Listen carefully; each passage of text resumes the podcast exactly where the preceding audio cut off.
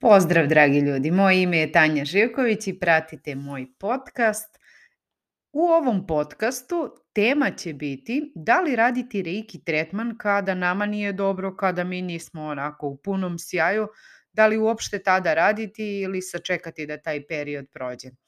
Ovo razmišljanje i odgovor na ovo pitanje je prouzrokovan jednom porukom koju sam dobila od moje učenice Danas sam jako loše, neću upotrebiti epitet kojim je ona opisala svoje stanje i zamolila me prijateljica da joj hitno pošaljem energiju. Da li raditi to? Iako joj radim, neću da joj pošaljem ovo moje, hoću da primi čistu energiju. Da li raditi uopšte ili ne? Savet koji sam joj dala, uradi prvo tretman sebi, zamisli sebe ispred sebe, verovali ili ne, kada ste u Reikiju, pogotovo od drugog i viših stepena, imate mogućnost raditi tretman sebi na daljinu, tako što vizualizujemo sebe ispred sebe kao bilo kojoj drugoj osobi kada šaljemo energiju na daljinu i uradimo prvo tretman sebi, sebe umirimo, sebe pročistimo, počistimo i onda tako mirniji i bolji, protočniji lepše i lakše ćemo poslati energiju. Da se ne bi brinuli, ne možemo osobi poslati svoju energiju dok radimo reiki tretman. Znači šaljemo je samo reiki energiju.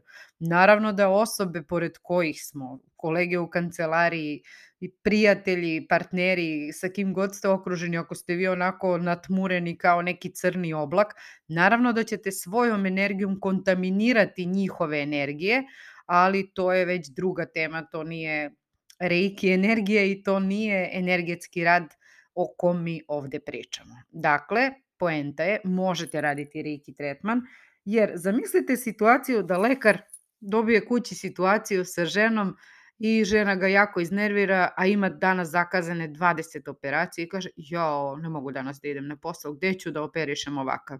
Zamislite da pop kaže, ne mogu danas nikog da sahranjujem i da držim opela, jednostavno, ne znam, bol, bolesna mi je žena, uznemiren sam i to je to. I samo ove primere vam navodim kao jedan e, primer da i reiki i rad sa ovom energijom gledate kao neku vrstu posla – ali ne u onom smislu posla kao daily job, nego u smislu služenja drugim ljudima. Jer svi mi kroz svoj posao zapravo služimo ovom svetu. I zamislite kada bi to radili samo u danima kada smo super, kada smo odlično i kada su nam sve koze na broju. Dakle, ustani kraljice, popravi svoju krunu i kreni napred. Još jedna stvar koju bih dodala vezano za rad reiki tretmana kada se mi ne osjećamo baš sjajno, je jedna napomena. Kada me učenica pitala da li raditi reiki tretman kada mi nismo dobro, moj savjet je bio uradi reiki tretman prvo sebi, smiri se, dovedi se u red, pa onda idi dalje i radi sa drugima.